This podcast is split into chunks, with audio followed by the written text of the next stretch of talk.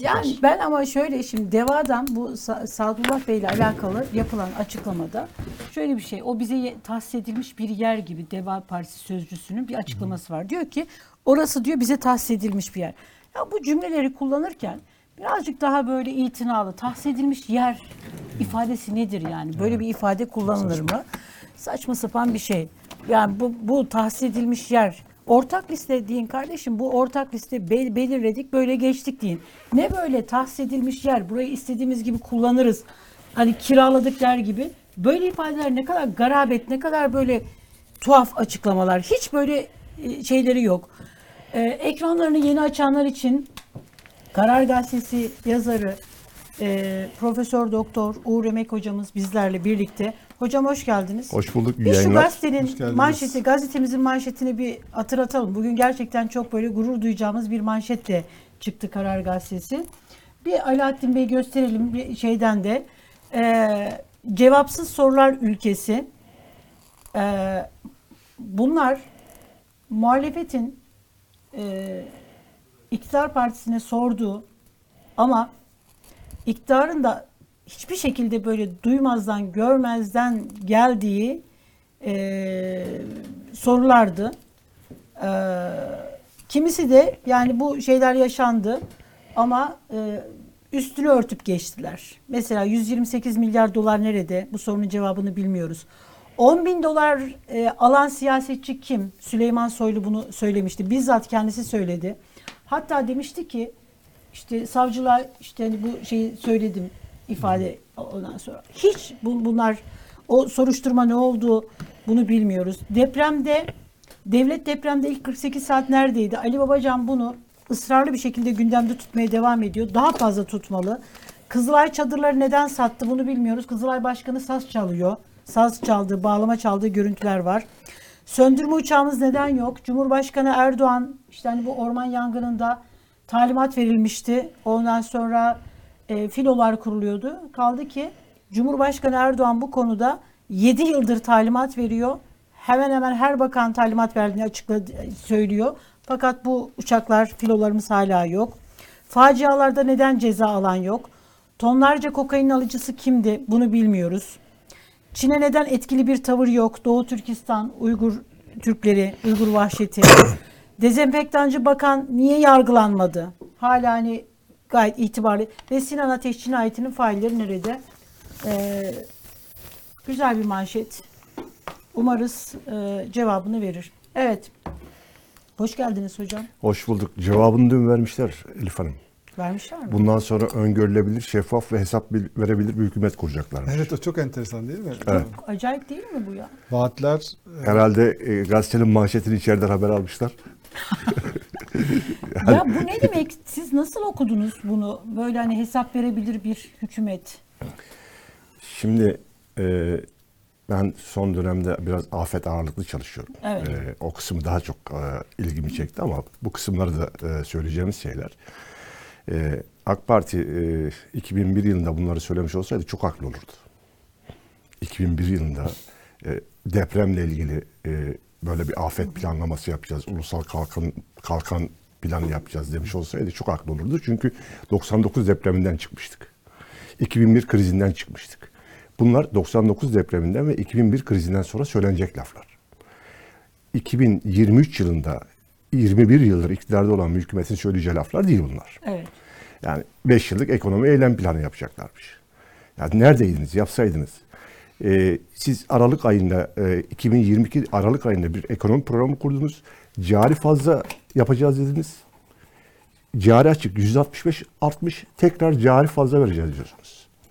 2012 yılında 2023 yılı için 25 bin dolarlık bir e, kişi başı milli gelir hedefi koymuşsunuz. Gelmişsiniz 2023 yılında 2028 yılı için 16 bin dolar koyuyorsunuz. Ben e, dün e, Yavuz Oğan'ın programında şey söylemiştim bu 2023 hedefleriyle ilgili. E, sosyal medyada biraz da ilgi görmüş galiba. E, AK Parti'nin 2012 yılında koymuş olduğu 2023 hedeflerinden bir, bir şey tuttu Yıldıray Bey. 2023 geldi. Evet. Yani gel, bu kesin yani burada hiç iyi tarafından bakacaksın. 2023 geldi. Onun için de hiçbir şey tutmadı. Onu da AK Parti getirmedi. Ee, geldi ama. AK Parti iktidarına geldi. Yaşıyoruz ve geliyor. AK Parti- Süre bitiyor. Ya emin olun Allah ömür versin. 2028'e gelecek yani. 5 yıl sonraki seçimi de göreceğiz. Bu geleceğin en büyük özelliği gelmesidir. Ben planlama e, kültüründen gelen bir e, iktisatçıyım, akademisyenim. Biz planlama yaparken, plan yaparken gelecek gelir mottosuyla yaparız. Bu hükümetin en büyük özelliği, bu iktidarın en büyük özelliği bir gelecek gelmeyecekmiş gibi davranıyor. İki, gelecek geldiğinde de geçmiş yokmuş gibi davranıyor. Yani şu anda galiba e, en büyük muhalefet partisi AK Parti. Yani bir gelseler iktidara her şeyi yapacaklar yani o felsefeyle. Buna da inanan bir e, toplumda önemli bir kesim buldular. Evet. Yani geçmişi çabuk unutuyoruz. Gelecekte hayalle ve umutla bakıyoruz. Gelecek gibi bakıyoruz. E, bunu yönetebiliyorlar. E, ne kadar yönetebilirler? İşte Osman e, Sert anlattı az önce sizin e, şeyinizde. O onların bileceği iş, anketçilerin bileceği iş. Ben seçmen davranışı konusunda uzman değilim. E, kendim de sadece bir seçmenim yani. Kendi adıma konuşabiliyorum ama onlar daha genelleştirebiliyorlar. Bu daha gider mi? Emin değilim. Bu soruların cevabı yok. E, bunun gibi daha ne, nice sorular sorulabilir. Yani bu gazetenin tüm sayfalarını soruyla çoğaltabilirsiniz yani. Çanakkale Köprüsü de buna dahil. Çanakkale Köprüsü'nü sorabiliriz. Kamu özel E, işbirliği. Kamu özel işbirliği oradaki 100 160 milyar dolarlık e, garantiler niye açıklanmıyor sorabiliriz. En son söyleyeyim ben size. Kanal İ- İstanbul'u sorabiliriz. e, Kanal İstanbul gene yazmışlar programa. evet yine yazmış. Gene yazmışlar tabii ki. Kanal İstanbul'un etrafındaki 500 bin 500 bin konut şey, yeni şehir kuracağız demişti e, Sayın Erdoğan. Şimdi onu sosyal konut diye pazarlıyorlar. Bir de 125 bin daha koymuşlar yanına. 125 bin, 500 bin, 500 bin. Biz biliyoruz ki o 500 bin konut sosyal konut değildi. Başka bir şey için kurulmuştu. Şimdi sosyal konuta çevirdiler. Ee, çok sevdiğim e, bu iktidarın söylemi. Ee, işte İstanbul'u e, dün geldim gördüm. Ankara'ya da geldiğinizde görürsünüz. Gökdelenleri dikip dikip dikip dikip yatay mimari diye e, vaatte bulunmak çok ilginç geliyor bana. Ben gökdeleni Ankara'da bir tane gökdelen vardı 60'lı yıllarda kurulmuş. Oraya çıkardık böyle e, bakardık tepeden asansörle falan çıkılırdı. Ankara şu anda Eskişehir yolu gökdelenden geçilmiyor. Konya yolu gökdelenden geçilmiyor. Ve yatay mimari diye anlatıyorlar bunu yani. Yatay mimariye geçeceğiz. Kim geçirecek? Yani hangi parti dikti? Saadet Partisi mi dikti e, gökdelenleri? E, şey, Şimdi 2015'te de Erdoğan hani bu e, yatay mimari, bu dikey mimari İstanbul mahvedildi. Mesela 2015'ten şimdiye kadar 2023 yılına kadar kaç gökdelen dikildi sonrasında? Onlara bile bakılsa. ya e, e, bunun haddi hesabı yok. Bu E, en dikkat çekici vaatler dünkü e, şeyde sizle de o vaatleri bir konuşalım isterseniz. Onlar çok ilginç. Dünkü AK Parti'nin tanıtımında asgari ücrete Temmuz ayında yeniden zam yapılacak. E, kamuya yapılacak işçi alımlarına mülakat kalkacak diyor. 2016 yılında Temmuz ayındaki asgari ücret zammını hangi iktidar kaldırdı Yıldıray Bey? Evet. E, ve e, İki- iktidardaydı? 2016 yılında Ya, 2016 ha- ha- hangi Ondan önce- e, Cumhuriyet Halk Partisi. 2016 yılına kadar çift e, asgari ücreti Ocak-Temmuz zammı yapılırdı. Kaldırıldı 2016'da yani. evet, Şükürler olsun AK Parti iktidara geldiğinde tekrar e, tekrar olacak. olacak yani. E, kamuya yapılacak işçi alımlarına mülakat kalkacak.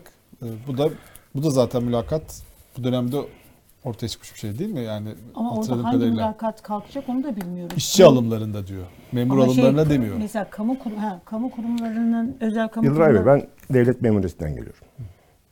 Ee, ben sınavlara girdim. Sınavlarla iş sahibi oldum. Ee, ben e, küçük bir kasabadan geliyorum. ilçeden geliyorum. Ee, annem babam öyle tahsil eğitimli beyaz Türk falan değil benim. Devlet okullarında okudum. Ben dershane görmedim. Dershane bilmem ben. Üniversiteyi kazandım. Yüzde bire girdim ben. Siyasal Bilgiler Fakültesini kazandım. Devlet yurdunda kaldım. Annemin babamın bana ev tutacak parası yoktu. Okuyamazdım aksi takdirde. Devlet Planlama Teşkilatı'nda çalıştım. Devletim beni yurt dışına gönderdi. Dil öğrendim. Master yaptım falan. Bu devlet beni buralara kadar getirdi. Şu anda olsaydım herhalde Emirdağ'dan çıkamazdım ben. Ona inanıyorum. Bu sınavlar vardı zaten. Mülakat mülakatlar yapılsa da bunun bir objektivitesi vardı. O mülakattan önceki sınavlar objektifti. Zaten e, sınavlardan çıkıp gelenler biz kalburüstü insanlardı. İşe girme sınavları, işte yükselme sınavları uzman biz uzman olduk. Uzman yardımcısı olduk. Uzmanlığa geçiş. Özellikle merkezi kuruluşlarda he- hesap uzmanları kurulu, maliye teftiş kurulu, hazine, e, devlet planlama teşkilatı, Merkez Bankası. Buralarda Büyük torpil- gelenekler vardı. Buralarda torpil akla gelmez. A, Şeyde olurdu, e, yükselmeler de olurdu. O- orada da niye olurdu bazı şeyler? Çünkü piramitin tepesine çıktıkça alan daralıyor. E, gelenler de zaten aynı havuzdan geldikleri için aşağı yukarı standartları belli insanlar yani. Standartlar birbirine benzerler yani. Olur. Yani ben e, devlet planlama teşkilatına uzman yardımcısı girdim, uzman çıktım. Ama ben bu dönemkisi kadar bir şey görmedim yani. Yani çocukları biz, e, üniversite hocasıyım. Ya üzülüyorum yani. E, parti teşkilatından e, referans almadan geçenlerde bir, e, AK Parti yöneticisi şey yapmış. Artık kurumlara eleman aldıramıyoruz. Doldurdunuz hepsi sizin zaten. hepsi sizin. Yani Yıldıray Bey- Bey'in yerine Elif Hanım atamam için onu almam lazım ki onu atayım. Ama o da AK Partili. Yapamıyor. Yani hani başka birisi olsa alacaklar zaten. Doldurmuşsunuz. Ya bu mülakat işi ayrıca da demin konuştunuz kaldırın ya. Hemen. Niye vaat ediyorsunuz ya? Aynen. Dün akşam kaldırdım deseydiniz yani. Çok rahat. Çok rahat. resmi Bir gazetede yayınlayın. Tabii bakar. canım Anayasa yani. değişikliğine gerek yok bunun için. Bunun vaat edilmesine gerek yok. Anayasa değişikliğine gerek varsa da inanın bana tüm partiler buna evet diyecektir. yani. Evet, zaten Belki de, belki de en hızlı geçecek anayasa maddesi olacaktır yani. Anayasaya koyuştular, mülakatı kaldırdık. Çok enteresan gerçekten o. Ee, Ankara İstanbul arasında süper hızlı tren geliyor. Bunu hepimiz hatırlıyoruz sanki. Böyle bir var- vardı. sanki yapılmadı mı bu diye düşünüyoruz. Onunla ilgili sizin var mı şeyiniz? Süper hızlı Niye tren. olmadı bu? Şimdi önce, 2018 önce hızlı trendi bu. Önce biliyorsunuz hızlı trendi. Evet. Evet, ağzından Şimdi? aldınız. Sonra yüksek hızlı tren oldu. Şimdi herhalde en hızlı yüksek hızlı Tabii. tren olacak yani ve, ve o yüksek, yüksek hızlı treni kazalarını hatırlıyoruz. Evet. İki defa kaza oldu. Ee, makinistin günahında kaldı. Makinistin e, şeyin e, üzerine kaldı günahı. E, kara- e, Devlet Demiryolları Genel Müdürü ben mi suçluyum? Ben mi kullandım tren dedi. Ama o trenin yolunu siz yaptınız. O trenin o hızlı e, geçmesinin politikasını siz yaptınız. Kuralını siz yaptınız. Ben yapmadım. O makinistin de günahı yok. Bu hızla sürecek diyorsunuz. Yani şu, bu şöyle bir şey e, Elif Hanım. E, arabanın kadranında 220 yazıyor. Benim bir sürdüğüm arabanın kadranında 220 yazıyor. Şimdi ben 220 mi yapayım? Yani? Kadranda yazıyor diye 220'ye basayım gideyim o zaman ben. O zaman niye hız limiti koydunuz yani? Yunanistan'da şey oldu ya 6 6 Mart'ta mı? Ee, 6 Mart herhalde Yunanistan'daki tren Öyle, kazası Mart herhalde o- öyleydi. Orada mesela bakan da yeniydi Ulaştırma Bakanı. Ondan önceki iktidar döneminde yapılmış bir tren yolu ve orada da arızalar olduğu belli. Ee, orada bir çalışma yapılmamış ama yeni bakan dedi ki yani demokrasiye ve devlete güven sarsılmasın diye bu kadar insan öldüğü bir yerde hiçbir şey olmamış gibi yola devam edemeyiz dedi. Kendisinden önceki e, iktidarın, kabinenin sorumluluğunu da alarak istifa etti. Bizde Evet. Ben size ilk defa burada bir şey söyleyeceğim. Bekliyordum. Ee, artık e, şey yapalım. Kasım, Ekim ayında yanılmıyorsam e, Ulaştırma Bakanı Altyapı Genel Müdürü'yle bir, bir CİMER'den soru sordum. Bu hızlı Siz tren ben sordum. Evet. Hızlı tren ihalelerini hangi usule göre yapıyorsunuz? Hangi mevzuata göre yapıyorsunuz? Mevzuatın altında hangi alım usulüyle yapıyorsunuz? Pazarlık, açık ihale, davetiye falan. Kimler aldı? Kaç tane ihale yaptınız? Dört tane soru. Anlaşılabiliyor değil mi Yıldız Evet evet. Anlaşılabiliyor. Dört soruyu toplulaştırmışlar. E, iki başlık altında cevaplıyoruz dediler. İhalemizi Dünya Bankası ihale kurallarına göre, Avrupa Birliği ihale kurallarına göre, EBRD ihale kurallarına göre, Kamu İhale Kanunu kurallarına göre yapıyoruz. Hepsini birden harmanlamışlar. EKAP'ta yayınlanıyor mu ihale sonuçlarınız? Yayınlanıyor. Bakıyoruz yok. Bu dördüyle beşiyle beraber ihale olmaz. Ee, daha sonra bilgi edinme kuruluna şikayet ettim ben. Dedim ki bunlar bana cevap vermiyorlar. Sorun ne? Henüz cevap alamadım. Ee, şeffaflığın egemen olduğu, ihale e, şeffaflığın egemen olduğu bir iktidar döneminden bahsediyoruz. Öngörülebilir. İnşallah o hükümet gelince alırsınız. Ee, bunun cevabını alamadım. Nasıl ihalelerin yapıldığını bilmiyoruz. Ben biliyorum biliyorsunuz. Ben ihale uzmanıyım. Evet. O soruyu sorarken cevapları bende var zaten. Ee, o cevapları da ben vereceğim. Ee, ama e, öyle bir şey dönemden geçiyoruz ki. Belki de Ne zaman okuyacağız sor- hocam bunu? Siz e, işte e, dün akşam konuştuk. Belki yazıları ikiye çıkaracağım yani e, şey Çok olarak. Çünkü haftada bir gün yazıyorum biliyorsunuz. Evet. E, öyle olunca da sıra Çok anca geliyor yani. Belki size sorunun Çok cevabını çünkü. zaten siz biliyorsunuz diye Cimer cevap vermemiş olabilir mi? E, olabilir. e, Siz bir de çok e, hem böyle e, yani kapıları çalıyorsunuz. Yani o imkanları kullanarak bu bilgileri de alıyorsunuz. Bu çok önemli yaptığınız şey. Yani böyle bir sorumlu vatandaş, yazar e, ve bu konuda uzman biri olarak onları o imkanları çok kullanıyorsunuz. E, Şimdi biz akademisyeniz. E, bizde para yok. Yani paramız olsa zekatını vereceğiz. Biz de bilginin zekatını veriyoruz biz. Bilgimiz var. Ben e, uygulamadan geliyorum. Devlet Planlama Teşkilatı'ndaki o tecrübelerim tabii ki e, şey. Bunu akademiyle de harmanladık. E, kurumları da az çok tanıyorum. Az çok tanıyorum. Eskiden çok iyi tanırdım. E, URM'ye sorsanız iktisatçı olarak neyi bilirsiniz deseniz ben size şöyle cevaplardım. Türkiye ekonomisinin kurumsal yapısını çok iyi bilirim derdim. Hazine Bakanlığı, Hazine Müsteşarlığı bir tebliğ yayınladığında ben o tebliğin ruh halini anlardım. Gene böyle düşünmüşler bu hazineciler derdim. Merkez Bankası bir tebliğ yayınladığında onu yazanı karşımdaymış gibi okurdum ben tebliği. Şimdi o kadar becerikli değilim çünkü kurumlar bambaşka bir yere gitti. Kurum kültürü kalmadı. Bildiğimiz kültürden kurumlar değil. Ama hala anlayabiliyorum. Hala tanıyabiliyorum. Hala bilebiliyorum. Ee, ve şunu da söyleyeyim. Özellikle ulaştırma projelerinde benim en büyük haber kaynağım Ulaştırma Bakanı. en büyük haber kaynağım. Çok e, şey yapıyorum. E, bakan e, söyledikleri aslında bir ifşaat. Aslında e, biliyorsunuz gazeteciler haber kaynaklarını açıklamazlar. Yok ben, ben söyleyeyim ben. Ulaştırma Bakanı benim haber kaynağı. Yani bir e, açıklamaları var. Çok hoşuma gitti o. E, ben yıllardır söylerdim. Bu kamucel işbirliği projelerinin en yumuşak karnı sözleşme revizyonudur. Sözleşmeleri değiştirdikçe ihale koşullarından uzaklaşırsınız. İhalenin anlamı kalmaz. Ola ki ihaleniz rekabetçi. Ola ki. İhale rek- rekabetçi. Sözleşmeyi değiştirdikçe şartname koşullardan uzaklaşıyorsunuzdur. İhalenizin de anlamı kalmıyor. Ee, Kemal Kılıçdaroğlu bir açıklama yaptı. Dedi ki sözleşmeleri değiştiriyorlar. Revize ediyorlar. Bunun hesabını soracağım dedi. Ulaştırma Bakanı açıklama yaptı. Anadolu e, Ajansı'nın arşivinde vardır. Doğrunun yarısını söylemek tam yalandır dedi. İddialı bir laf. Doğrunun yarısını söylemek, evet sözleşmeleri değiştirdik. Bu doğru. Ama niye değiştirdik? Onun açıklamasını yaptı. Ben de kararda bunu yazdım. İki yarımdan bir doğru çıkmaz diye. Ee, her zaman çıkmaz. Kuzey Marmara Otoyolu'nda üç tane şerit öngörmüşler. ihaleye çıkmışlar. Sonradan fark etmişler ki şerit ihtiyacı dört taneymiş.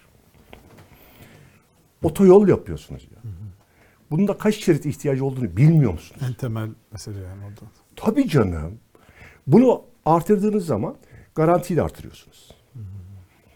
Garantiyi neye göre artırdınız bilmiyoruz. Bunlar viyadük yapılacağını otoyolda bilmiyorlarmış. Viyadük ya. Otoyol böyle girip çıkmaz. Bir köprü gibi bir şey yaparsınız. Bunu öngörmemişler. Ya bunu ya, yayınladılar Anadolu Ajansı'nda. Bunu yedi tane değişikliği yazdılar. Ben nereden öğrenebilirdim sözleşme değişikliğinin bu kadar yapıldığını? Nereden bilebilirdim? Sağ olsun o açıkladı ben de yazdım. Yani onun maliyeti var. İyimser bir ihtimalle. Sözleşme koşullarına göre değiştirdiyse diye garanti artışını da yazdım. Belki sözleşme koşullarından farklı artırdılar bilmiyoruz. Avrupa Birliği standartlarında iş artışı yapacaksanız onun da ihalesine çıkarsınız. Tekrar ihaleye çıkılır. Bunlarda öyle bir şey yok. Sözleşmeler habire değişiyor. O yüzden benim haber kaynağım diyorum. Yani sağ olsun kendisine minnettarım yani. Peki mesela bundan 32 gün sonra iktidar değişirse eğer 14 Mayıs'ta muhalefet e, devleti teslim aldığında hem sizin bu yazdığınız e, projelerde hem başka yerlerde böyle büyük sürprizlerle karşılaşma ihtimali var mı? İşte bir sürü bütçe dışı kalemler var, işte fonlar var. Hani böyle yüklü borçlar, e, yani hiç bilinmeyen şeyler, harcamalar. Hani böyle bir sürpriz olabilir mi? Siz hani devleti tanıyorsunuz. E, Var. E, ben bu e, işbirliği projelerinde 160 milyar dolar hesapladım. Şu anda deprem ihaleleri yapılıyor değil mi? Evet. Deprem ihaleleri yapılıyor. Benim elimde istatistik var. E, kamu ihale e, kurumunun elektronik e, e, kamu alımları platformu var. Oradan ihale sonuçlarını takip edebiliyoruz. Benim elimde 66 tane ihale sonucu var. Deprem ihaleleri. bunlar. Deprem ihaleleri. Yeni yapılmış. Yeni TOK ihaleleri var. Bunları Ee, 2-3 haftadır da yazıyorsunuz. Bu deprem Evet. konut ihalelerini yazıyorsunuz. Yazıyorum. Çok 36.530 tane bende resmi bilgi var. Ee, 7 Nisan sonu itibariyle. Cumhurbaşkanı açıklama yaptı e, metro açılışında. 42 bin tane temel attık dedi. Bakan kurum pazartesi akşamı Habertürk'te konuştu. 100 bin tanesinin inşaatına başladık dedi. Doğru olduklarına inanıyorum. Haber kaynaklarımın yani doğru söylüyorlardır. Demek ki ihalesiz temel atılıyor. İhale arkadan gelecek. Bizi nasıl bir yük bekliyor bilmiyoruz. Biz yeni ihale kanununda şöyle bir sistem benimsemiştik. Anahtar teslimi götürmeden. Yani e, projede kapının kolundan, e, kapının mandalından pencerenin koluna kadar her şeyi hesaplayacaksınız. Bir teklif verilecek. O teklif neyse o. Mesela kazının maliyeti, toplam maliyette yüzde yirmi ise yüzde yirmi. Bana gelip demeyecek ki ya bu kazı çok iş artışı oldu falan. E şimdi iki günde ihaleye çıkıyorlar. Onayını bugün alıyor. Bugün çarşamba değil mi? Bu sabah e, onay aldığını kabul edelim. Perşembe, cuma günü ihaleye çıkıyorlar. Ne zaman davet ettiniz? Ne zaman proje yaptınız? Ne zaman davet ettiniz? Davet ettikleriniz ne zaman hazırlık yaptılar? Bunun normal Bir sürü süresi ne hazırlık kadar? lazım değil mi? Zemin şeyi şu bu bir sürü şey. Teorik olarak öyle olması lazım. Burada Bu- bir seçim yüzünden bir hani her an çabucak yapalım şeyi mi var? Tabii burada birim maliyet üzerinden yapıyorlar. Birim bedel üzerinden yapıyorlar. Büyük bir ihtimal başka türlüsü mümkün değil. Ee, Elazığ depreminden biliyoruz ki Elazığ'daki birim maliyetten duyumlarım e, çok yüksek geçiş artışlarıyla çok e, pahalıya mal oldu. Ki bu şeylerde de çok garip e, teklifler var. Ben e, proje bazında birim e, ortalama e, maliyeti çıkartıyorum. 1 milyon 300 bin liralık evlerde var. 2 milyonu geçen evlerde var. Farkı ne o evlerin bilmiyoruz. Sosyal konut öyle biliyoruz yani. Hepsi sosyal konut. Köy evleri yaptık diyorlar tek katlı. 2 milyon 300 bin, 2 milyon 400 bin e, ortalama maliyeti olan köy evleri var. 2 milyon 300 bin. 2 milyon 300 bin köy evi. Köy evi. Tek Villa katlı. gibi. Ya, malikane olur başka türlü olmaz yani. Normal sosyal konutu 3 oda bir salon 90-100 metrekare 1 milyon 300 bine mal ediyorsun. Tek katlı köy evini 2 milyon 300 bine mal ediyorsun. Bunu böyle bir yani bir fırsata mı çevrilmiş durumda sanki böyle müteahhitlere? hani Şimdi- Şimdi bunu böyle söylemek biraz insanın düşünüyor yani böyle de yapmazlar herhalde diye ama Valla Elazığ konutlarında bu birim bedelle e, çok para kazandıklarını ben duydum. Ya bu e, iş artışı, iş artışı, iş artışı, iş artışı e, çok para vurmuşlar. Kaldı ki e, şeyde de e, Elazığ depremi 2020'nin ocağında oldu değil mi? Ocağında oldu. ben Evet, söyleyeyim. Ocak, E, evet. şey yapmayayım, zorlamayayım. İzmir'de de 2020'nin Kas- Ekim'de ya da Kasım'ında oldu. Orada deprem evleri ihalelerine çıktılar. Elazığ'da 25.722 evin ihalesine çıkıldı. Henüz 22.441 tamamlandı Yıldıray Bey. 3 yıl geçti üzerinden. Evet, başarı oranı %87. Burada 650 bin ev yapılacak deniliyor. Bir yılda yapacağız diyor. Mümkün değil. Ya, İzmir'de e, Ekim'den 2020'den sonra 5061 konutun ihalesine çıkılmış. 1404'ü teslim edilmiş. 18 Mart e, tarihi itibariyle başarı oranı %28. Şimdi aynesi iştir kişinin lafa bakılmaz. E, 650 bini bir yılda yapıyorum demek için bambaşka bir ruh halindeki insanı anlatırsınız. İstatistik diye bir bilim varsa, bunlar da resmi rakamlarsa, e, resmi istatistiklerse bunun yapılması mümkün değil. Bu şu, e, muhtemelen bakan kurum söyledi, e, köy ev, bir köy ev projesini bitireceğiz dedi. E, Antep'te ve Adıyaman'da iki tane köy ev ihalesi yapıldı. Resmi istatistiklere göre dedikleri gibi neler yaptılar bilmiyorum. Yani e, ihalesiz yaptıkları konutları bitirecekler mi bilmiyorum. E, birisini bitirirler. Seçime kadar. Seçime kadar birisini açacağız diyor yani. E, su basmanları falan çıkaracaklar. İşte böyle temel atma törenlerini yapacaklar. E, böyle bir şey çok e, üzüldüm. 18 Mart'ta İzmir'deki e, bir televizyon kanalı e, iki tane muhabirini göndermiş. Evi teslim edilen iki vatandaşla konuşmuşlar. Evi teslim edilen. Diyor ki e, deprem bölgesindeki vatandaşlarımız diyor rahat olsunlar devlet evimizi teslim ediyor diyor. Biz aldık diyor. Çok mutluyuz diyor. Evde çok güzel diyor. Ama şunu söylemiyor. 5061 tane ev vardı. 1404'ü sadece alabildi. %28'imiz alabildik. %72'si alamadı henüz. Onu demiyor. O taraftan bakıyorsunuz. iyi taraftan bakıyorsunuz. Ee, ya bu şöyle bir e, iktidar anlayışımız var. Aman seçimde bize zarar gelmesin. Aman seçimde bize ne fayda getirir? İki tane ölçü var. Yani bunu bunu e, işte son e, yazarken e, şeye dikkatimi çekti benim. E, gazetede yazdım. E, ya- e, Hatay depremde en çok hasar alan ilimiz. Yüzde 42 yıkık konut oranı. En son gazetede yaptığım istatistik şöyle bir şey yaptım. E, dik, yıkılan konutların yüzde kaçı yerine getirilecek? Bu oran Hatay'da yüzde iki. 100 konut yıkılmış, yerine iki konutun ihalesine çıkılmış. Antep'te yüzde 38. Adıyaman'da yüzde 30'larda. Neden Maraş'ta fark var böyle? Siyaseten? CHP'li belediye ayrımı mı var? merak ettim ben de. Şimdi İzmir'le e, şeyden başladı zaten. Elazığ'dan. Elazığ'da. Orada da El- fark vardı. Elazığ'da yüzde 87 tamamlama oranı oranı İzmir'de yüzde 28. İnsan bir Evet. şöyle sayıya baktığı zaman bir düşünüyor. Niye böyle olur diyor. E, Gazetede pazar günü Hatay'ı yazdım. Hatay'daki e, ilçelere baktım. E, dedim ne olmuş Hatay'da? İlçelerde de mi fark var? Altınözü Belediyesi'nde e, 364 konut yapılmış AK Partili. Belen Belediyesi'nde 292 konut yapılmış MHP'li. İskenderun da e, 451 konut ihalesi yapılmış AK Partili. Payas'ta 821 konut yapılmış AK Partili. Saman'da yok. CHP'li. Erzin yok. CHP'li. CHP. İhalesi yapılanlar değil mi? bunlar? Tabii ihalesi yapılmış. Evet. Henüz o oralarda ihale bile yapılmamış.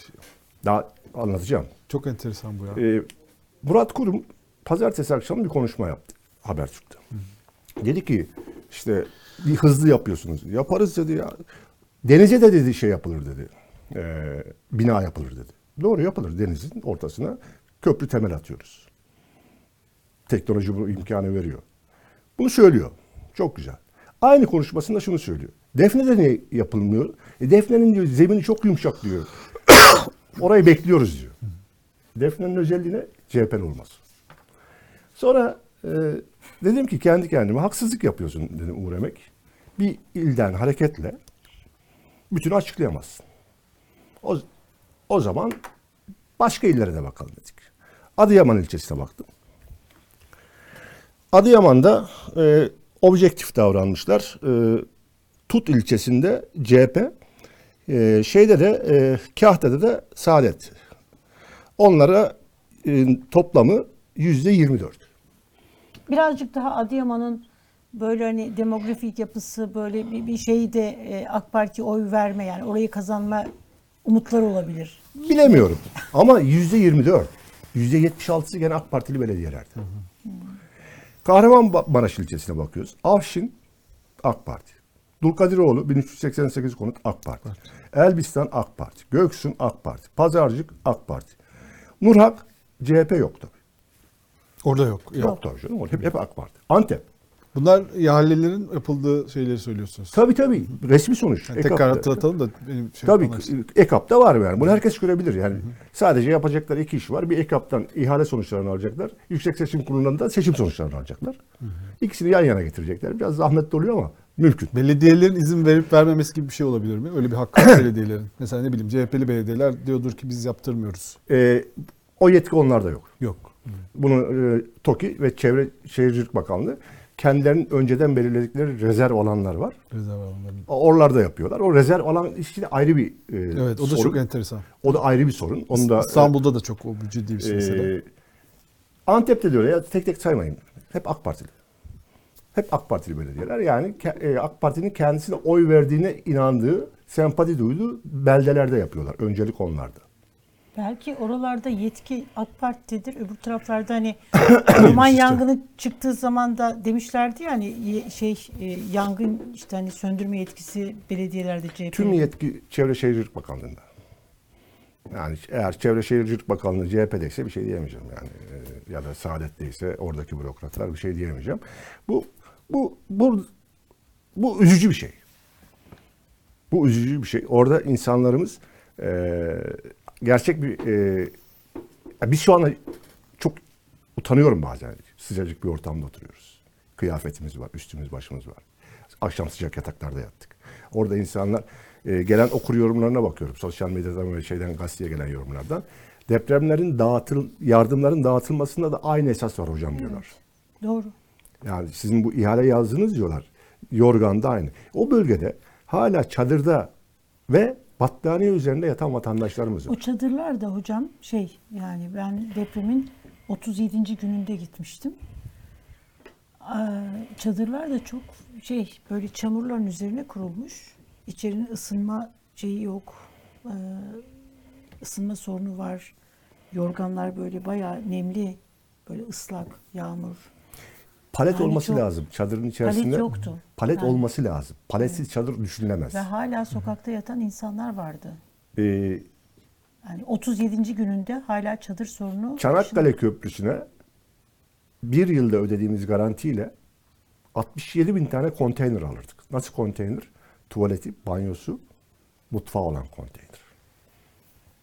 67 bin. Bir yıllık Çanakkale Köprüsü. Biz hep de, benim tüm derdim şu.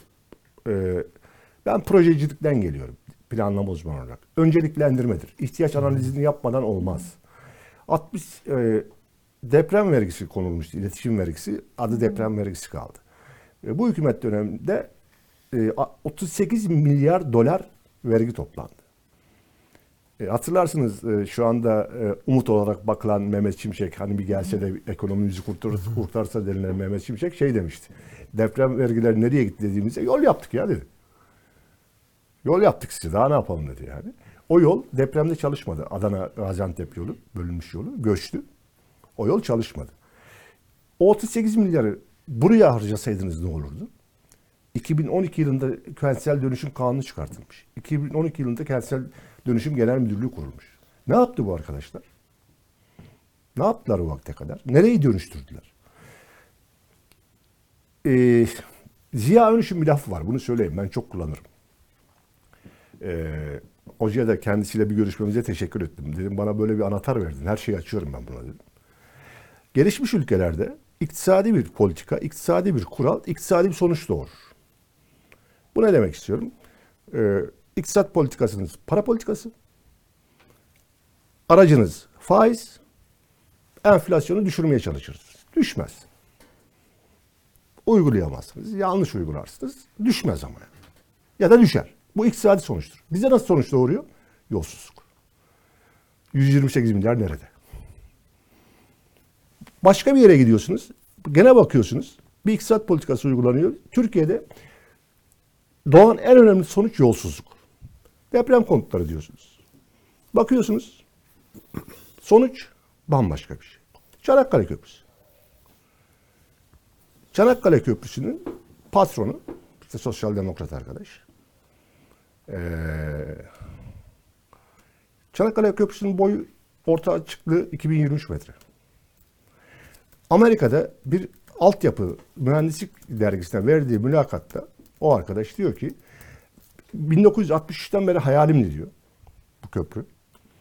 Projesini yaptım diyor. Gittim şeyde de sundum diyor. Ee, Norveç'te bir kongrede de sundum diyor. Ama diyor Çanakkale'nin en sert rüzgarlarına karşın bizim diyor tasarladığımız köprünün orta açıklığı 1510 metreydi diyor. Niye 513 metre daha uzun köprü? Diyor abi. Niye daha uzun? ya? Neden? Bilmiyoruz. Ben biliyorum onu da biliyorum ben. Köprünün iki ayağı var. Bir tanesi Gelibolu, birisi Lapçek. Arsa fiyatları dört kat arttı. Bir yıl içerisinde. Bunların hepsi bize iyi şeyler söylemiyor, iyi sinyaller vermiyor. Bunu Çanakkale Köprüsü'nü siz de uzaktan yaptığınız programda anlatmıştım. Eser siyaseti diyor. Ya bunu eser siyasetiyle sosluyorlar.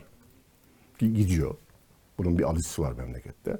Hem e, siyasetçilerimiz ki Sayın Erdoğan e, eser bıraktığını kendisi her fırsatta söylüyor. E, o e, biraz kabaca da olan bir atasözü var işte. İnsan olur, ölür kalır eseri bilmem kim keseri falan diyor. E, ama daha da önemlisi bunun arkasında çok ciddi bir ekonomi var. İş insanları para kazanıyorlar yani. Büyük paralar kazanıyorlar o buradan. Ee, bu bunların ihalelerini, sözleşmelerini göremiyoruz. Osman Gazi Köprüsü'nü kullandınız mı hiç? Evet. Ben kullanmadım. Ee, Protesto mu ediyorsunuz? yok hayır denk gelmedi. Denk gelmedi. Yani yolum değil yani e, şeyim değil. Kullanırım da. Ben şunu da sevmiyorum ayrıca. Eleştiriyorsunuz madem kullanmayın. Evet, ne, ne İktidar demek ya? böyle bunu söylüyor. Ne demek ya? Kimin parası, kimin neyle yapılıyor? Evet, herkes Ne demek bu? tabii ki. Yok, Ayıp bir şey. O zaman bu memlekette ben şey söylüyorum. Ee, ben cezaevlerine de karşıyım. Almayın cezaevine biz o zaman. Karşıyız. Osman Kavala'yı almayın cezaevine ya. Niye alıyorsunuz kardeşim?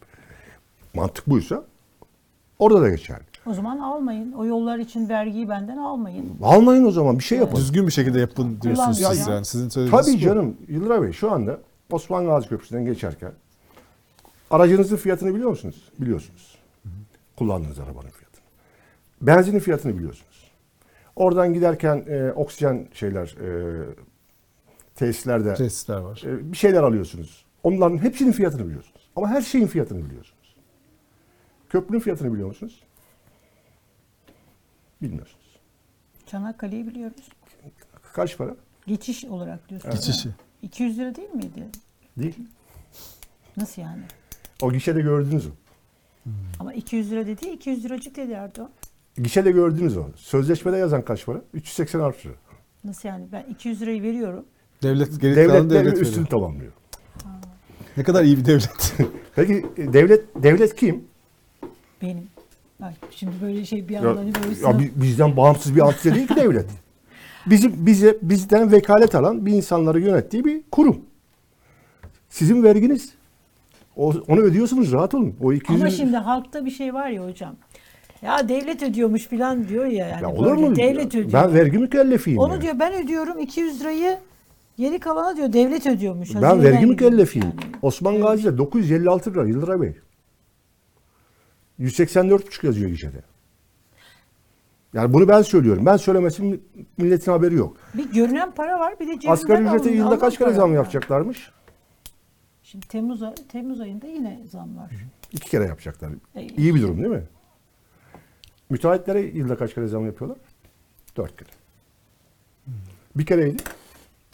Kur hareketlenince bunlar bağırmaya çağır başladılar. Karayolları müteahhitleri. Yılda ikiye çıkardılar. Gene bağırmaya başladılar. O 6 aylık dönemde kur artıyor biz TL cinsinden tahsilat yapıyoruz. Kredimizi dolar e, döviz cinsinden ödüyoruz diye. Dörde çıkardılar. Ben diyorum ki ya yazık değil mi bu adamlara? Niye yılda dört kere zam yapıyorsunuz? Her gün yapın. Günlük, E, akşam. vatandaş da bağırıyor vatandaşa yok. Yani Vatandaş oy verecek. Onun görevi farklı. Ve vergi verecek. Herkesin bir görevi var yani. Bir alıcı var, bir verici var yani. Vatandaş verme üzerine kurulmuş bir sistemin a- unsuru. Yani bambaşka şeye doğru gidiyoruz. Yani e, ama e, daha önce size de söylemiştim. E, beton kolik bir kitlemiz var bizim. E, köprüye bakıyorlar, hastanenin binasına bakıyorlar. Yani bu e, pudra şekeri çeken arkadaşın ruh haliyle Büyük ya hizmet dönüyor. ne güzel yapmış diyor. Şu mimariye bak diyor. Sosyal medyada falan paylaşıyorlar. Ya şu mimariye bak diyorlar ya. Ee, İletişim Başkanı bir fotoğraf yayınladı. Ee, Taksim'in fotoğrafını çekmiş. Size e, bula- şeyden sonra gösteririm programdan sonra.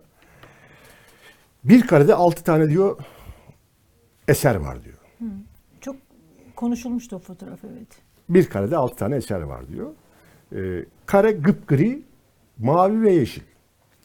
Altı proje sayabilecek miyim bilmiyorum. Bu Taksim alt geçidi var. E, Taksim Camisi var. Çamlıca Kule var. e, Çamlıca Camii var. AKM var. E, işte böyle. Taksim gıpgri, beton. Evet. Bir köşede yeşil bir yer var. Ona Gezi Parkı diyoruz. Orayı da biliyorsunuz grileştireceklerdi. Bir de ortada boğaz var. Masmavi. Oraya da kanal yaparlarsa o mavi de kaybedeceğiz, o yeşili de kaybedeceğiz. Ben şuradan göstermek istiyorum. Buldum onu. Şöyle Alaaddin Bey siz de siz de buradan görebiliyor musunuz hocam? Şöyle yapacağım ama. Altı eser. Yani doğrudur. Bir şöyle gelir misiniz Alaaddin Bey şöyle. Taksim Camisi var. Marmaray var. Çamlıca Kulesi var. Büyük Çamlıca Camisi. Yeni Atatürk Kültür Merkezi ve tek Taksim Alt Geçidi. Şöyle bir yapayım bir. Evet. Evet. Şimdi oradaki yeşili mi seveceksiniz, buradaki betonu mu seveceksiniz? Böyle bir kitle var ya, beton kitle var. Atatürk Havalimanı. %86'sı tarım alanı göl. At- yeni havalimanı Yeni yapıldığı havalimanı. yer. Özür dilerim. Şimdi orayı kaybediyoruz Kuzey Marmara ormanlarını. Geliyoruz e, at- dünyanın 80 90 2018 yılında dünyanın en iyi 3. havalimanı ilan edilen havalimanını Atatürk Havalimanı. Millet Atatürk Havalimanı'nda Millet Parkı yapıyoruz. Ve e, oraya işte 10 yaşında ağaç dikiyoruz. 300 yaşındaki ağaçları kaybediyorsunuz. O, o, e, o ekosistem 300 yılda geliyor, 400 yılda geliyor, 500 yılda geliyor. Ve işin ilginç tarafı biz yarat, da, yaratılanı yaradandan dolayı severiz değil mi? Yaratan sadece bizi yaratmadı ki. O vahşi hayatın canlıları var yani. O vahşi hayatın e, yaşayanları var. Onların hayatını darp ediyorsunuz. Onların hayatını yok ediyorsunuz.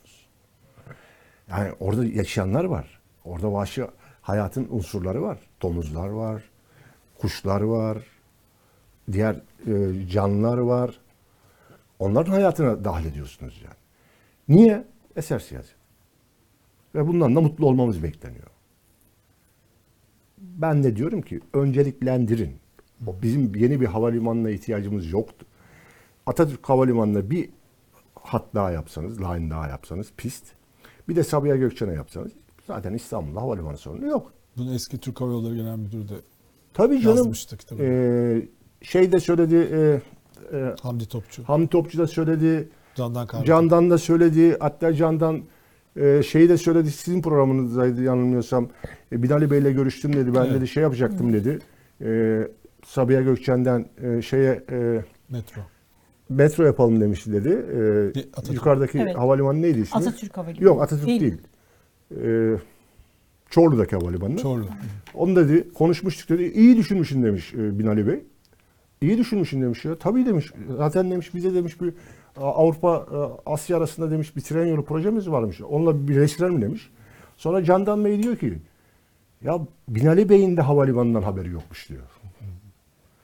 Her diyor o, sırada iş pişirilmiş diyor. İstanbul Havalimanı'na karar verilmiş diyor. Benim bu konuştuğumda diyor Binali Bey bunu bilmiyordu diyor. Böyle projecilik olur mu? Böyle önceliklendirme olur mu? 10 milyar e, euro para yatırıyorsunuz oraya. Bak depremde 100 milyar dolara ihtiyacımız var bizim yani. Şu anda dün akşam konuştuk. E, Az önce de Osmanlı'da, e, Osman Sert'le de konuştunuz. TOKİ e, konutlarının ortalama e, şey bedeli 1.7 milyon. Bir konutun bedeli ihalelerden yola çıkarak söylüyorum. E, ki bu fiyatlar da şişirilmiştir. Olsun kabul edeyim. 600 bin tane konuta ihtiyacımız var. Ama bu aynı zamanda enflasyon ve hayat pahalılığını da gösteriyor yani. TOKİ bile buna mal Evet. ediyorsa. Tabii canım 2,5 milyona da var. Ya başka şey de gösteriyor.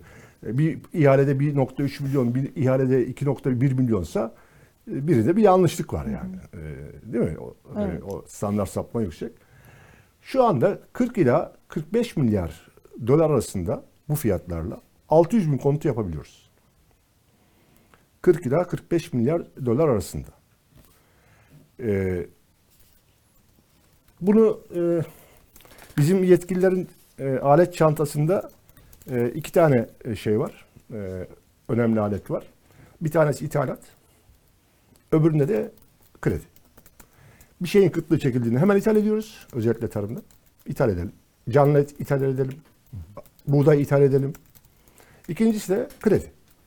Bir şey olduğunda hemen kredi veriyoruz. Kredi garanti fonu harekete geçiyor, bankalar harekete geçiyor. Şimdi bu deprem konutlarını biz krediyle satacağız. Kime satacaksınız deprem konutlarını? İnsan evini kaybetmiş, canını kaybetmiş, işini kaybetmiş. Neyle ödeyecek bu insanlar bu krediyi? Ee, dün e, Kahramanmaraş e, Sanayi Odası Başkanı açıklama yapmış. Burada iş yeri kalmadı demiş. Ben işçimi kaybettim demiş. Denizli'den, bana rakip illerden geliyorlar, elemanlarımı alıp gidiyorlar. Ben tekstil memleketiyim. Bursa'dan, şeyden alıp gidiyorlar. Kahramanmaraş bitti. Bize özel teşvik verin diyor. Sanayi ayağa kaldıran. Ben bilmiyordum. Açıklamadan öğrendim. Yeni tesise teşvik veriyorlarmış.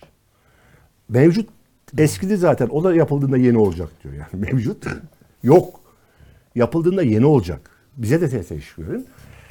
Ee, benim önerim şehir hastaneleri modelinde olduğu gibi.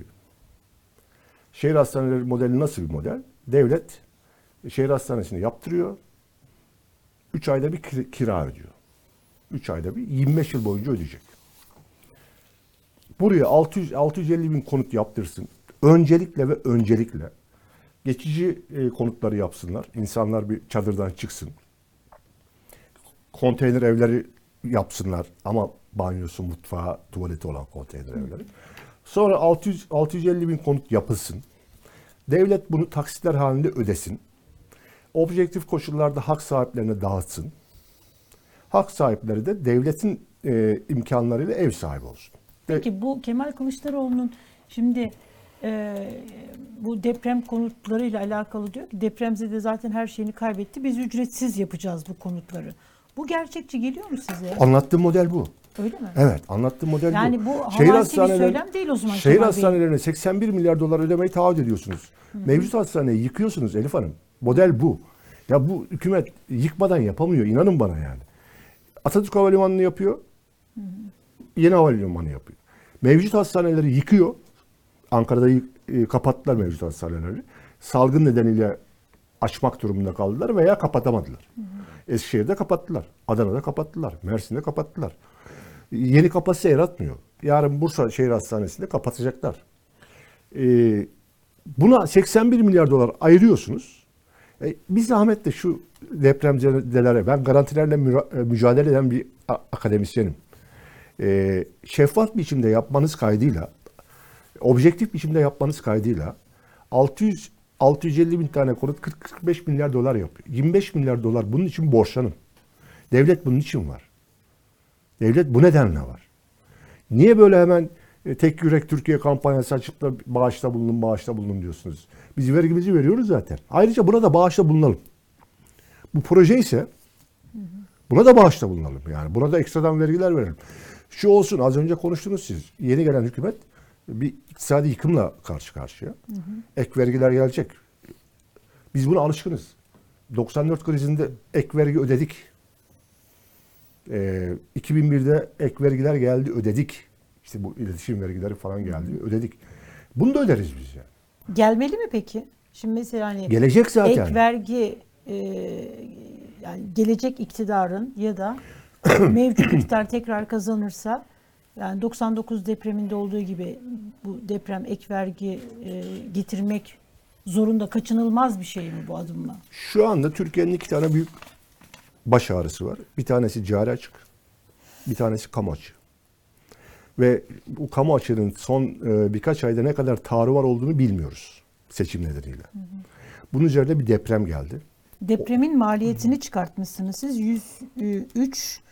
103,6 milyar dolar ya da 2 trilyon demişsiniz. Bunun Evet. depremin maliyeti. Evet. Bu şimdi mesela cari açık Türkiye'nin ekonomisini nasıl etkileyecek? Yansıması nasıl olacak? Henüz bilmiyoruz. Bu, bu bunu birisi ödeyecek. Bu 103 milyar doları birisi ödeyecek.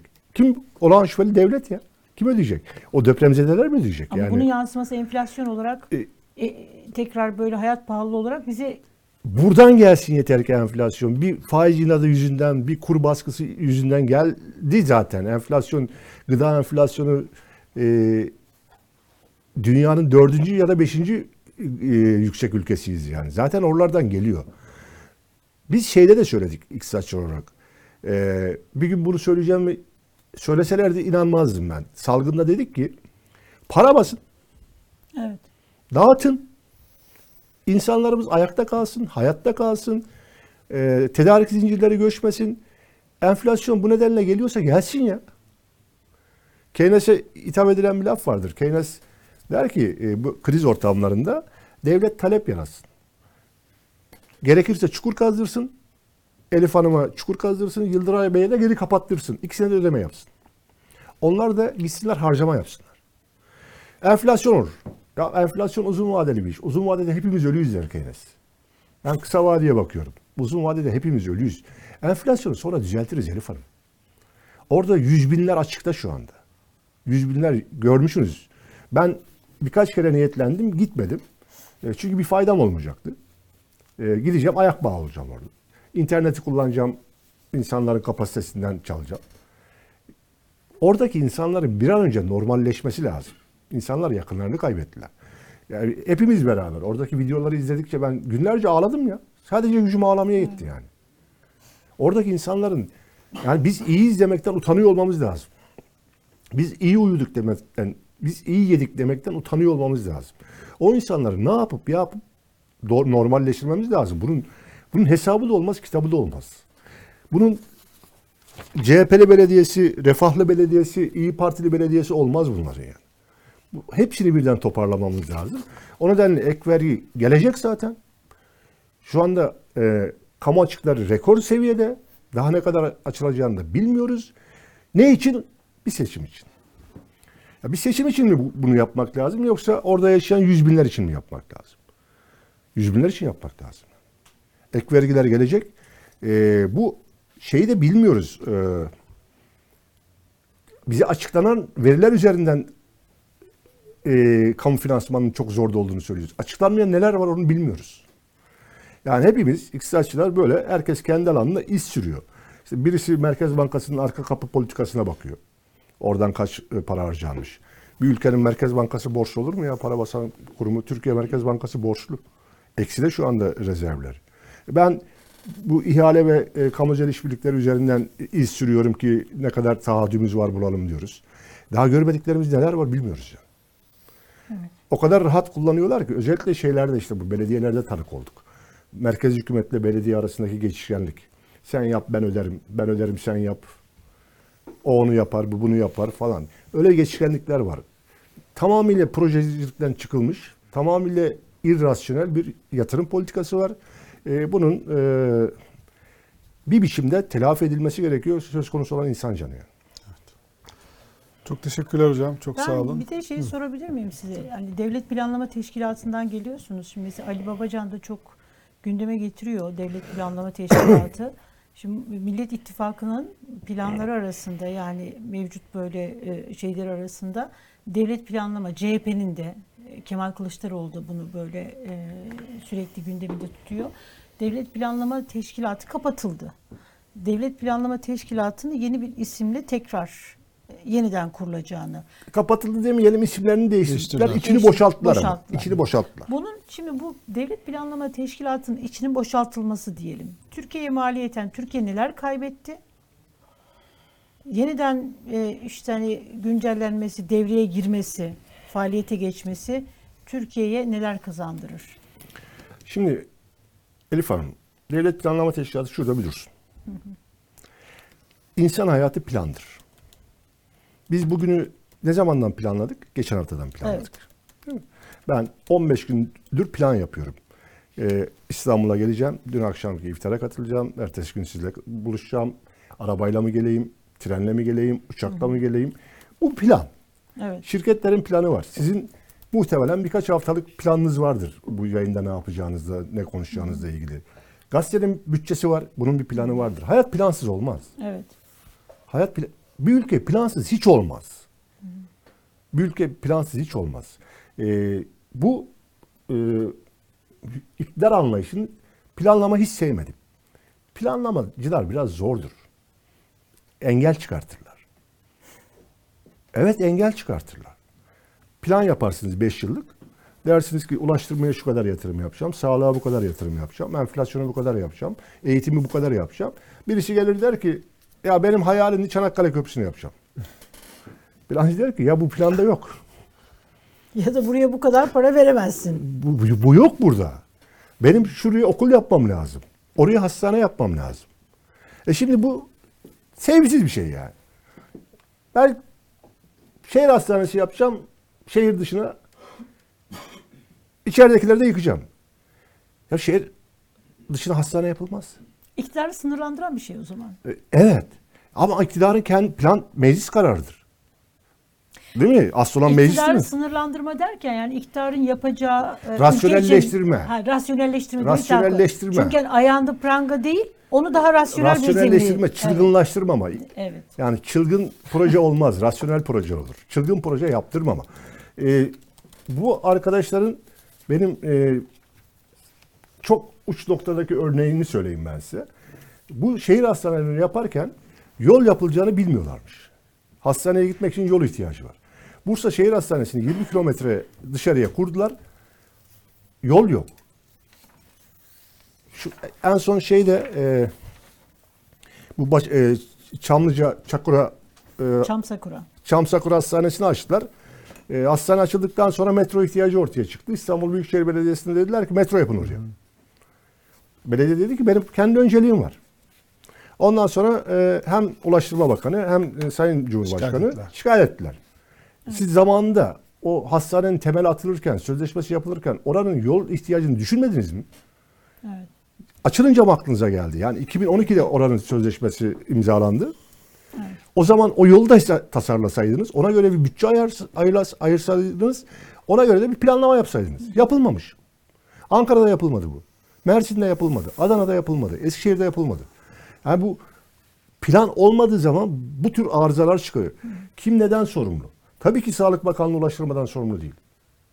Ulaştırmadan yerel yönetimler ve Ulaştırma Bakanlığı sorumlu. Sağlık Bakanlığı şehir hastanesini yaparken ulaştırma ve yerel yönetimin haberi yokmuş. Böyle bir şey olabilir mi? Bu kadar büyük yatırımlar yapacaksınız. Bu kadar büyüğünde böyle hata yapıyorsanız daha küçüğünde neler yapmazsınız ya? Ee, Nabi Avcı Bey'in kendi açıklaması var. Aferin diyor. Çanakkale Köprüsü'nü yaptınız diyor. Aferin diyor. Ama diyor ben Eskişehir'de bunu göğsümü gere gere anlatamıyorum diyor. Benim diyor Eskişehir'deki, Eskişehir'deki ilçelerdeki, Kırka'daki vatandaşların bizim yol ne oldu ne abi bey diyorlar diyor. Bizim yol diyorlar dedi.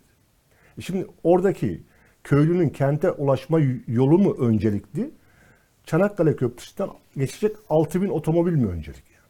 Soru bu kadar basit. Yani. Evet. Evet. Soru bu kadar basit. Bu önceliklendirme meselesi yani. O paralarla e, bu kentsel dönüşümü yapsaydınız, bu vatandaşlara o evleri verseydik nasıl olsa ödüyoruz. Siz şimdi peki bütün bu hikayeye baktığınızda yani burada bir sürü yanlış kararlar, işte iltimaslar görüyorsunuz.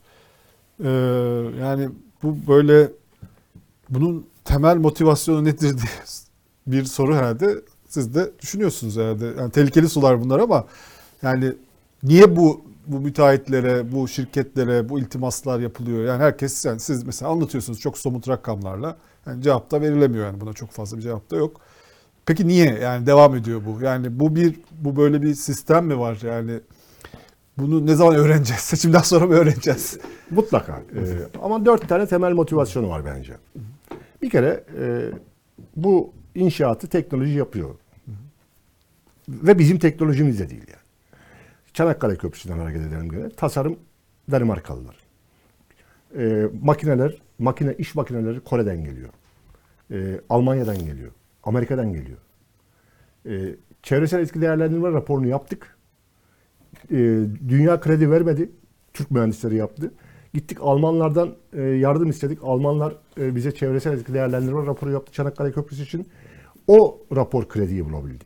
Çanakkale Köprüsü tamamıyla tasarımından malzemesine, iş makinesine yabancıların eseridir. Teknoloji bunu yaptırıyor. Bunun bir adını koyalım. Siyasetçi eser bırakmak istiyor. Eser siyaseti. Değil mi? Ee, işte o, gösterdiniz o resmi. Altı tane büyük proje. İşte e, Çanakkale Köprüsü. Yedi yıldızlı şehir hastanesi. Ee, eser bırakıyor. Gariptir vatandaş Memnun. memnun, seviyor, oy veriyor. İş adamı da para kazanıyor. Dört tane temel motivasyonu var. Bir taşta dört tane kuş vuruyorsunuz yani. Yani ihalesini bilmediğimiz, ihalesini bilmediğimiz, sözleşmesini bilmediğimiz, performansını bilmediğimiz. Bu işlerin en önemli e, şeylerinden bir tanesi e, performans denetimidir. Benim önerim de olur. Böyle el koymak falan çok kolay değil bu projelere yani. Kamulaştırırım, devletleştiririm. Burası anayasal bir devlet olacaksa kamulaştırmanın ve devletleştirmenin anayasada karşılığı var. Gitsinler baksınlar e, o tanımlara devletleştirme nasıl yapılır, kamulaştırma nasıl yapılır orada yazıyor. Eğer or- biz oraya uymayacağız diyorlarsa Anayasa ihlal. Bilemiyorum artık yani. O yeni gelenliklerin düşüncesi. Ben öyle düşünmüyorum. Performans denetimi. Ben Enerji Bakanı olsaydım Isparta'da dört gün elektrikleri kesen, elektriği getiremeyen Akdeniz Elektrik Dağıtım AŞ yani Cengiz Holding'e hesabını sorardım. Sözleşmesini fesheder. Çok ciddi bir tazminat ödedirdim çünkü vatandaşım öldü ben orada. Elektrik olmadığı için soğuktan bir vatandaşım öldü. Onun canını okurdum ben orada. Evet o zaman el koyarım. Ankara'da şey İstanbul'da Kuzey Marmara Otoyolu yapıldı değil mi? Böyle çok güzel otoyol, en modern tekniklerle yapıldı falan. Geçen kış ya da evvelsi kış vatandaş 6 saat yolda kaldı. Evet. Vatandaş 6 saat yolda kalacaksa zaten devlet yolu vardı orada kalıyor. Ben otoyolu niye yaptım? Vatandaş kalmasın diye. O e, yüklenicinin canını okurum. Performans denetim. Eşek yüküyle ceza keserim, para cezası. Canını okurum derken de şey değil ya. Havalimanında saatlerce insanlar mahsur kaldılar. Ulaştırma Bakanı havalimanına inemedi, Atatürk Havalimanı'na indi. Bunların hepsinin cezası var. Öyle bir ceza öde, öde- ödetirsiniz ki, öyle bir ceza kesersiniz ki ya bu işi düzgünce yaparlar ya bırakır giderler. Ha, sonra da bunu söyleyeyim isterseniz. Çok teşekkür Çok ediyoruz. teşekkürler. Çok sağ olun. Rica ederim. Valla İstanbul'a her gelişinizde bekleriz sizi. Ama Zoom üzerinden de böyle şeyler bu tür çünkü yazdığınız şeyler çok kıymetli gerçekten. Yani bizim bildiğimiz şeyler değil biz de sizden öğreniyoruz. Çok teşekkürler. çok Rica sağ olun. ederim. Ben teşekkür ederim. Evet programımızın sonuna geldik. Ee, program konuğumuz bugün hem Osman Sert'i ağırladık. Ankara Enstitüsü Araştırma Direktörü ve Karar Gazetesi yazarı. Hem Uğur Emek hocamızı ağırladık. Ee, bizden sonra birazdan sadece gündem programıyla Ali Bayramoğlu ve İsmet Berkan sizlerle birlikte olacak. Bizden bu haftalık bu kadar. Görüşünceye kadar kendinize iyi bakın. Gittim. Milletimiz için 300 milyar dolar temiz yatırım bulup getirdim. Sana söz. Afetlere dirençli yapı dönüşümüyle Anadolu'da istihdam sağlanacak. Anadolu kendi insanlarına kucak açacak. Sana söz. Yine baharlar gelecek. Bay Kemal sözünden dönmeyecek.